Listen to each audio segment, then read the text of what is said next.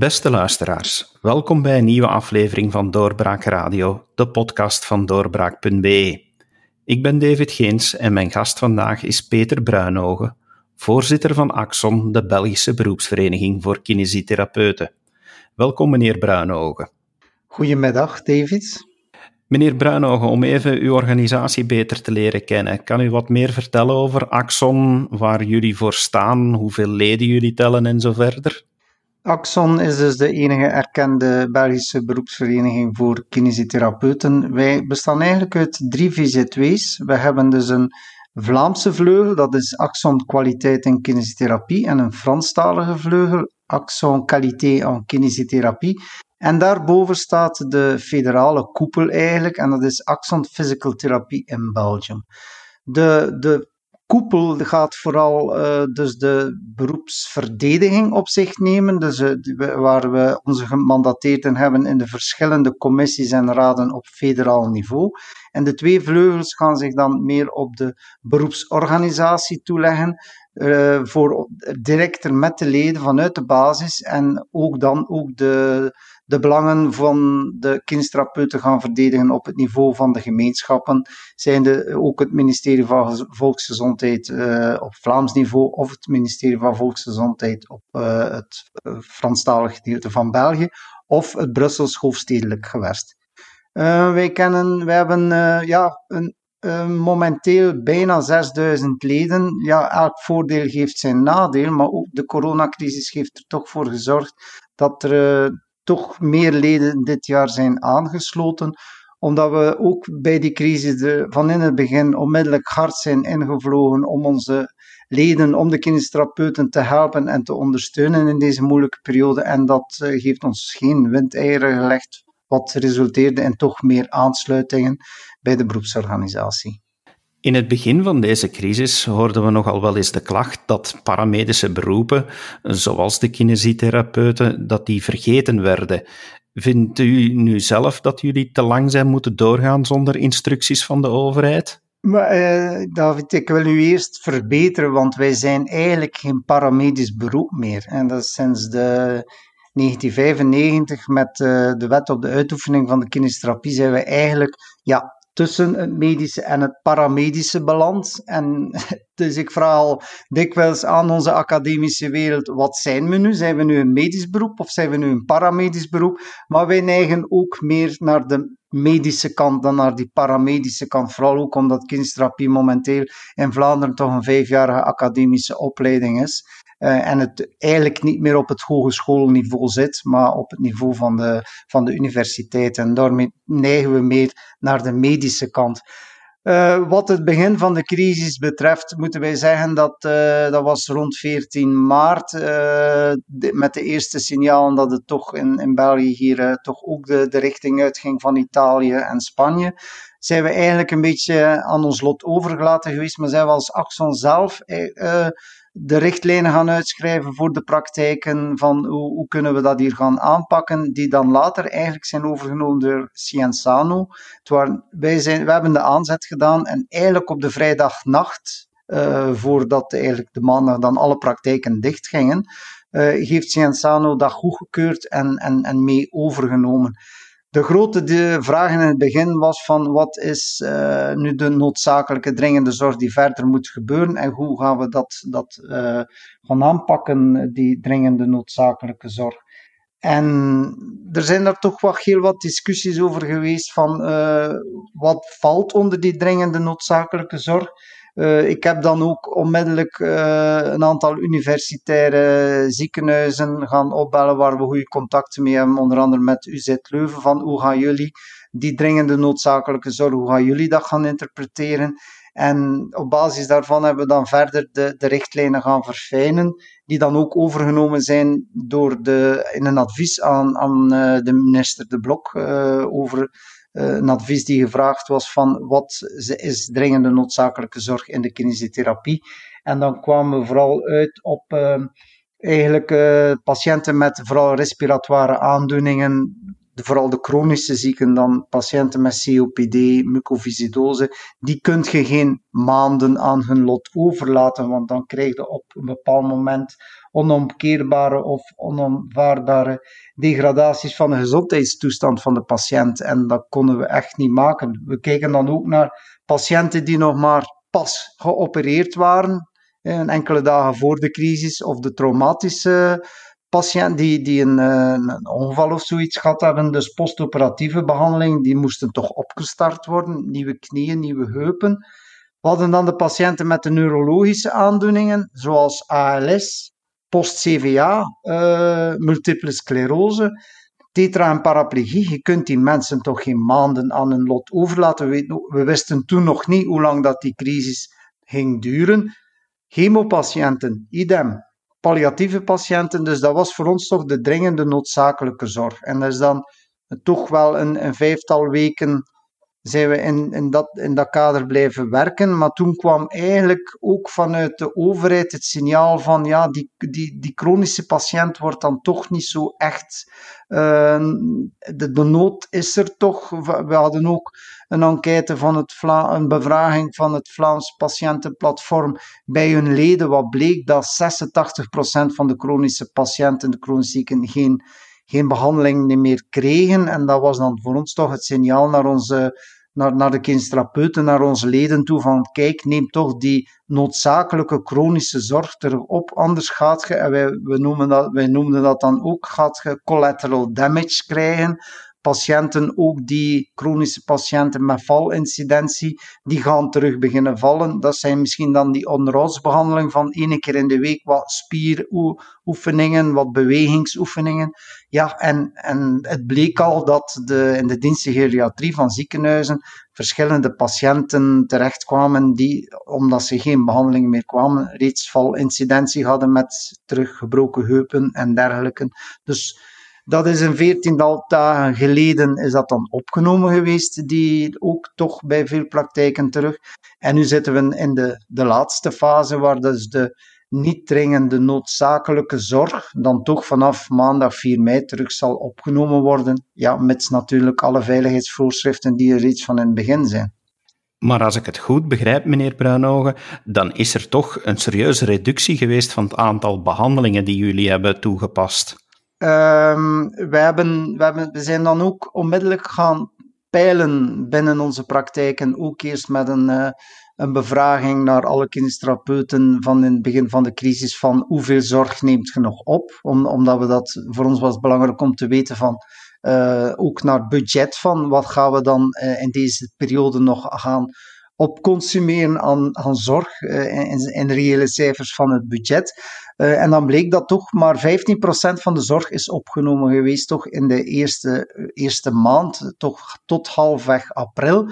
Diezelfde bevraging, eenzelfde studie uh, is gemaakt geweest samen met de Vrije Universiteit Brussel. Uh, waar, waar dat we tot dezelfde cijfers kwamen, was ook belangrijk dat we dat gepeild hadden, omdat we ook vragen kregen vanuit de Nationale Bank van wat is de impact van de crisis op jullie sector, dan vooral de economische impact. En uh, dus op basis van de gegevens hadden we kunnen zeggen van kijk, de, de, dat is op 15% gevallen. We gaan de praktijken ook blijven monitoren. We zijn van plan om toch op 15 mei terug een, een, een tweede bevraging in samenwerking met de universiteit te doen, uh, de, tweede, de, tweede, helft mei, uh, om te kijken van hoe, wordt die zorg nu terug herpakt. Uh, want ja, er zijn ook veel patiënten die schrik zullen hebben om naar de praktijk te komen. We gaan daar ook alles aan doen om, dat, om de patiënt duidelijk te maken dat het bij ons wel degelijk veilig zal zijn om, om de zorg terug op te nemen. En we gaan dat nog een aantal keren herhalen totdat we zien dat echt die, die, die zorg en, en, en die, die terug massaal opgenomen wordt, of toch goed opgenomen wordt, dat toch de praktijken eh, op een normale manier verder kunnen werken. Het budget dat niet opgebruikt is, dan, ja, dan kunnen we dat in eh, onderhandelingen met, met de mutualiteiten en op het niveau van TRISIF kunnen we dan gaan zien van wat, wat kunnen we met dat uh, budget gaan doen. Dit is niet opgebruikt, kunnen we dan meenemen in de honoraria in 2021 of gaan we daar nu er, een, een vorm van, ja, wij noemen het nu al een, een coronatoeslag misschien voor het, al het beschermingsmateriaal die in de praktijken nodig is. Dat is toch een kostprijs voor de praktijken, die ontsmettingsmiddels, die, die, die sprays, de mondmasker dat we aanbieden aan de patiënt. Maar we spreken niet in een groot orde zoals de tandartsen, want dat is er toch wel wat over, denk ik. Wat zij als als zogezegde coronasupplement noemen ze dat bij hun, want uh, supplementen kunnen enkel vragen als je de tariefakkoorden niet volgt. En bij ons volgt toch 83% van de collega's de tariefakkoorden, dus supplementen kunnen niet gevraagd worden, maar misschien wel een coronatoeslag. We, hebben, we gaan die vraag ook aan Trizi voorleggen, uh, maar dat kan enkel maar met dat, dat er toch een volledige terugbetaling is voor de patiënt. Van de patiënt mag hier dan ook toch weer niet te dupe van zijn. 15 procent, uh, dat is natuurlijk een serieuze terugval. Is er dan al sprake geweest van ook een soort van hinderpremie voor uw leden om het verlies dat zij geleden hebben in de periode dat ze zoveel minder behandeling hebben gedaan, om dat goed te maken? Ja, we zijn daar begin uh, onmiddellijk in, in onze pen geschoten natuurlijk om alle bevoegde ministers daarvan op de hoogte te brengen van kijk, uh, die, die economische compensatie moet er ook voor de kinipraktijken komen. Uh, er is een genderpremie op federaal niveau, het kabinet Ducarme, dus zoals alle andere zelfstandige uh, beroepen in België kunnen ze 1200 euro als zonder gezinslast en wat is 1600 euro met gezinslast. Toch voor de maanden, maand april.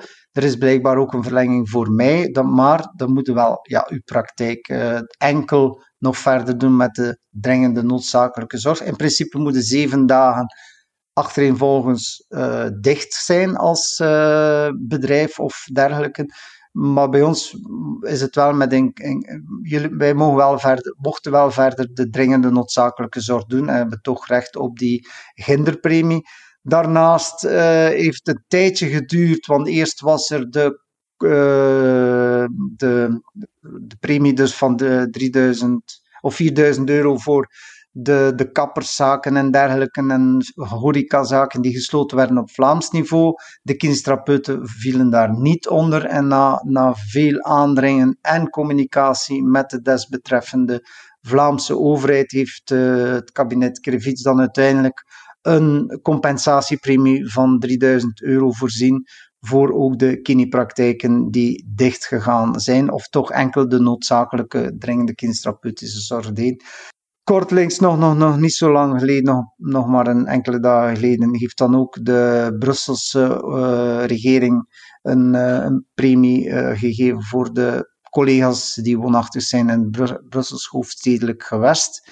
Heel wat minder dan Vlaanderen, die premie. Hetzelfde voor onze collega's in Franstalig België.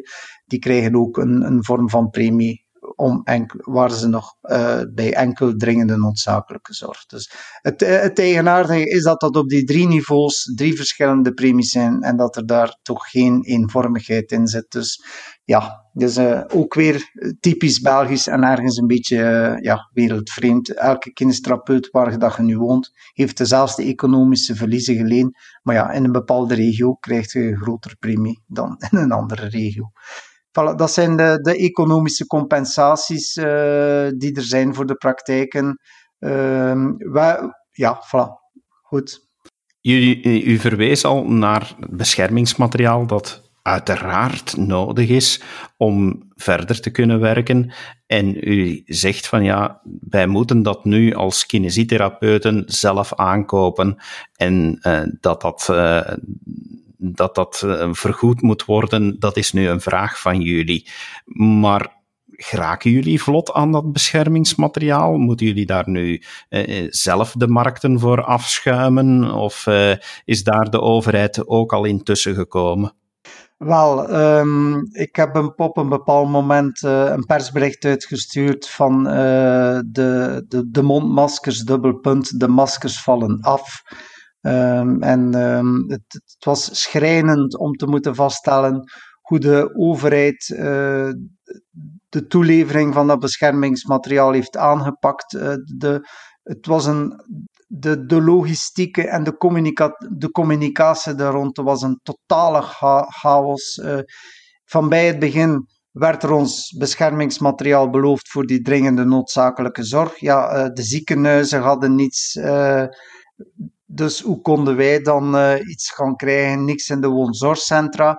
We hebben een eerste lijst, uh, er kwam een eerste vraag vanuit de FOD Volksgezondheid. Kunnen jullie uh, een lijst opmaken van de kindstrapeuten die dan toch die respiratoire aandoeningen en in combinatie met misschien die, die post-covid respiratoire, dan moeten ze maximaal beschermd zijn. Dan hebben we, spreken we over het mondmasker, een face shield, zeker een bril, handschoenen, het witte pak dat je op televisie ziet.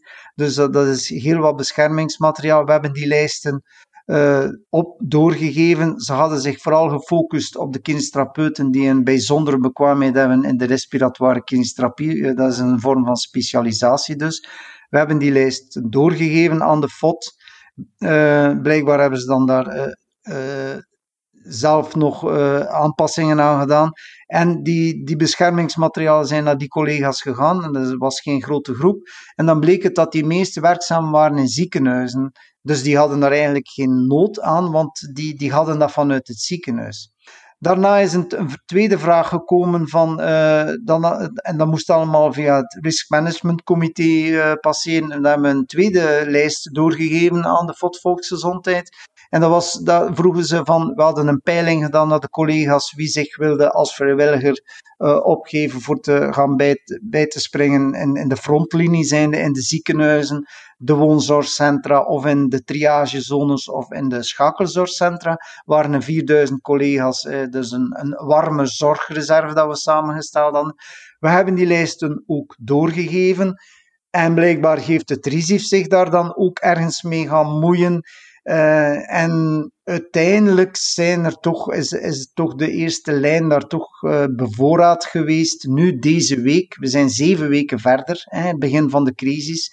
Uh, maar op die lijsten staan natuurlijk ook mensen die al lang op pensioen zijn, en dat is dan het RISIF, hè, die overleden zijn. Hè, die staan er ook op. Uh, dat is de Belgische administratie, zou je zeggen. Dus een totale chaos, ondanks dat wij al jaren als beroepsorganisatie, we zijn al jaren vragende partij om een dynamisch kadaster op te maken van de kinesiotherapie, waar dat we dus kunnen zien van wie werkt waar, in welke, dus in welke functie loontrekkende, zelfstandige of een mix statuut, met wie dat, in welke praktijken dat er samengewerkt wordt. Dus vooral een dynamisch kadaster en dan was het eigenlijk zeer simpel geweest. Met één druk op de knop hadden we perfecte adequate lijsten kunnen aangeven op die toelevering te doen. Maar ja, de overheid heeft daar geen oor naar. Ze willen dat dynamisch kadaster niet maken. Het is wel een punt dat we na de crisis op tafel zullen blijven werpen, want dat moet er dringend komen. Omdat, waarom wil de overheid dat niet? En dat hangt ook samen op het risiconiveau met, er zijn zogezegd 36.000 kinestherapeuten in België met een visum, een license to practice. Maar veel van die mensen zitten in een andere beroepsvorm, werken misschien maar halftijds. En toch, uh, als er een, een, tariefakkoord afgesloten wordt, moet een kindstrapeut, kindstrapeut toetreden of niet tot deze overeenkomst. En dan neemt het RISIF altijd de maximale cijfers van die 36.000. Ze nemen een, een 24.000 die daar zeggen van ik treed toe of ik treed niet toe. We weten ook dat er daar al mensen tussen staan die overleden zijn en dergelijke. Omdat er naar onze norm, naar onze tellingen en volgens ons databestand dat we hebben, zijn er eigenlijk maar een 12.000 kindstrapeuten in België die effectief moeten, allee, dat dat een inkomen is, zijnde die, die behandelingen, uh, dat honorarium, die binnen het risicobudget zit en niet de 24.000 waar er mee getaald wordt. En daarom wil de overheid niet dat er een, een, een exact kadaster komt. En eigenlijk is er dringend nood aan. Hoe kunt je nu ook in de toekomst uh, gaan zeggen van naar 2025, 2030, we hebben zoveel kines nodig in de ziekenhuizen, in de woonzorgcentra, in de eerste lijn, in de, in de gehandicapteninstelling, als je niet weet van wie werkt nu waar. En toch, toch gebeurt het. Het is allemaal natte vingerwerk. U klinkt heel kritisch naar die administratie toe en u uh, haalt terecht, lijkt mij, eh, voorbeelden aan van waarom dat een katholieke administratie in crisisgevallen zoals nu uh, gevolgen draagt aan wat er fout loopt. Zijn dat zaken waar dat jullie als beroepsorganisatie nadien heel hard op tafel gaan, gaan slaan en zeggen van dit kan echt zo niet meer, dit moet veranderen? Ja, dat, dat, dat, we hebben dat nu al gezegd. We hebben een to-do-lijstje gemaakt van kijk, dat dynamisch kadaster moet er komen hè, om, om dergelijke chaotische distributies te vermijden. Eerste punt. Tweede punt. De communicatie met de FOD Volksgezondheid en, en uh, de, de, de Federale Raad voor Kinesiotherapie eh, dan de administratie die ons daar moet in ondersteunen, die communicatie was ook verre van efficiënt en in orde. Uh, we hebben daar gisteravond nog, of gisteren tijdens de dag nog het laatste staaltje van gezien. Waarom is dat? Omdat iemand die daar op die administratie zit, op de FOD Volksgezondheid, die, die, die, die administratie moet verzorgen. Dat is geen kinesitherapeut, die geeft geen voeling met het beroep. Dat is een andere, die, die is uh, oftewel verpleegkundige, oftewel een psycholoog of wat, maar die heeft geen voeling met het beroep. Hoe kun je dan uh, bepaalde teksten gaan uitschrijven van een advies om terug de ambulante zorg op te nemen als je niet weet wat het beroep inhoudt? Dus eigenlijk gaan we ook daar uh, op aandringen dat er daar iemand die ons daar bij ondersteunt in de federale raad, dat dat zeker een kinestherapeut is die heeft, of voeling heeft met beroep. En dan op het niveau van het RISIF, ja, uh, buiten de, de grote baas, zouden we zeggen, meneer De Kok, die wel efficiënt uh, handelt, uh, vinden wij dat de, de rest van de administratie alles op zijn beloop laat. We zijn nu eh,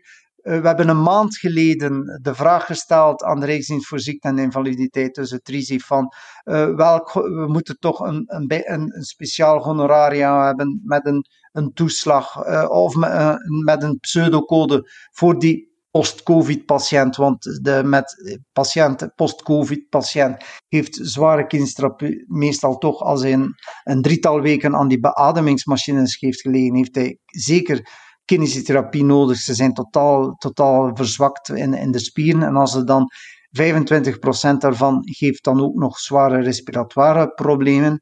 Dan moeten die zeker twee behandelingen per dag krijgen. Dat, moeten, dat staat momenteel niet in onze nomenclatuur, want alles draait rond de nomenclatuur. We vragen nu al een maand aan, de, aan, aan het van kunt je daar een, een, een, een, financiering, een honorarium op kleven. Er is vorige week een, een digitale meeting geweest met de Technische Raad voor Kinesiotherapie.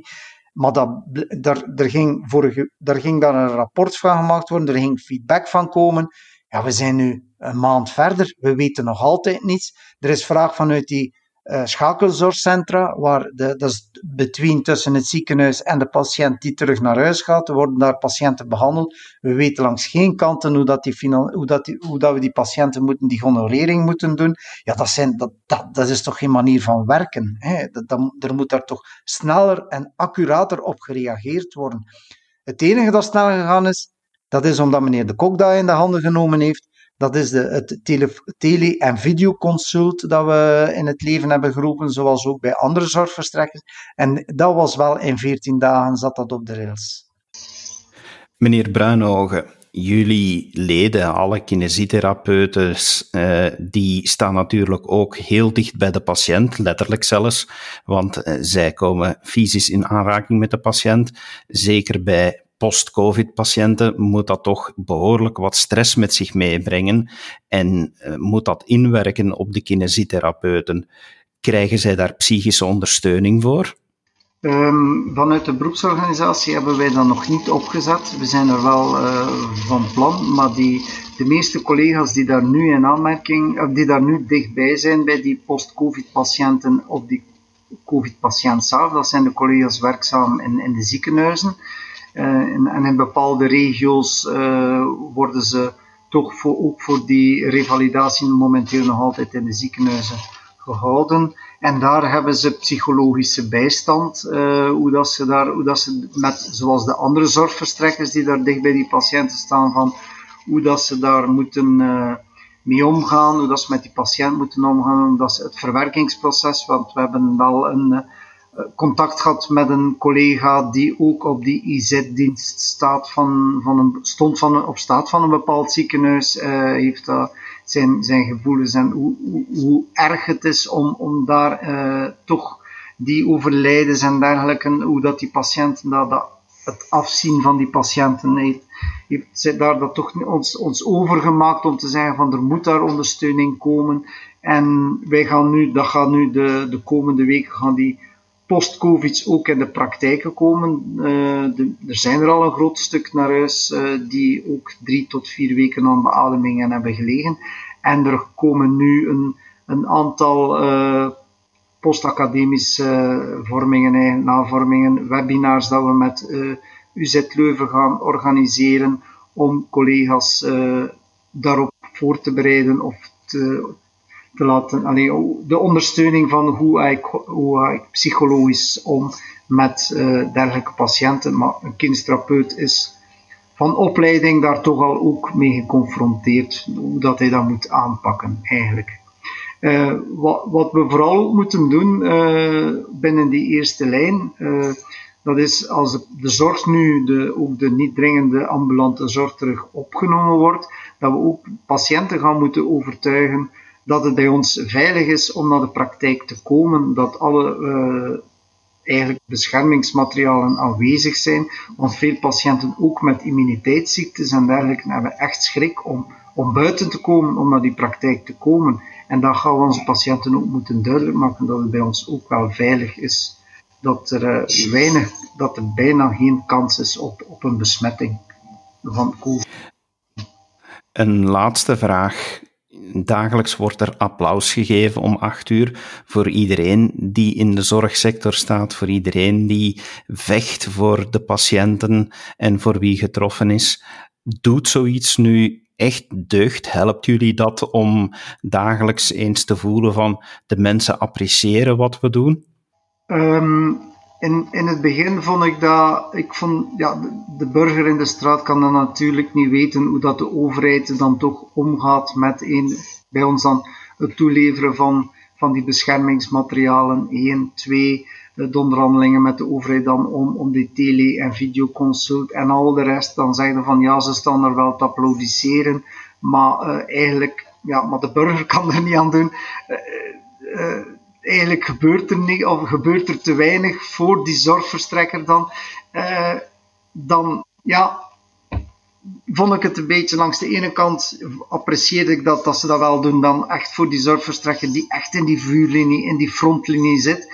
Maar ja, dat doet wel iets, maar, maar uh, dat was dan ook meer voor mijn dochter die zelf verpleegkundige is, om te zeggen van kijk, uh, kijk dat is de steun dat je krijgt vanuit vanuit de maatschappij voor, voor hetgeen dat je al jaren doet. We zeggen de, de zorg in België of, of de, de verpleegkundigen die zijn ook al jaren ondergefinancierd. Uh, de, de lonen liggen ook al jaren te laag. En dat, vond ik, dat wil ik toch, toch wel een keer meegeven. Vond ik zeer schrijnend wat met die woonzorgcentra gebeurd is. Uh, dat, vond ik, allee, dat vond ik niet kunnen. Ze hebben die bewoners eigenlijk in een echte quarantaine geplaatst. En dan hebben ze wel het zorgpersoneel er naartoe gestuurd zonder enige vorm van beschermingsmateriaal. Die bewoners zijn stuk voor stuk besmet door de zorgverstrekkers omdat ze geen beschermingsmateriaal kregen. Ik vond dat eigenlijk een vorm van massale, georganiseerde massale slagpartij. Ik, vind dat, ik kan er echt niet over wat dat er daar gebeurd is. Als je dan hoort dat er in sommige van die woonzorgcentra de mondmaskers nog altijd achter slot en grendel zitten, dat begrijp ik niet goed. We horen hier een duidelijke oproep naar de overheid. Uh, dit is uh, heel duidelijk dat er moet aangewerkt worden. Meneer Bruinogen, dank u wel dat u dat even allemaal onder de aandacht wilde brengen en dat u onze luisteraars wou wijzen op uh, toch nog een aantal zaken die zeker voor heel wat verbetering vatbaar zijn. Beste luisteraars, dank u wel dat u weer geluisterd hebt naar deze podcast. Luister zeker ook naar onze andere afleveringen en we hopen u graag een volgende keer terug te mogen begroeten. Dag. Dit was een episode van Doorbraak Radio, de podcast van doorbraak.be. Volg onze podcast op doorbraak.be/radio of via Apple Podcasts, Overcast of Spotify. Bezoek ook onze website op doorbraak.be en steun ons door een vriend te worden van Doorbraak.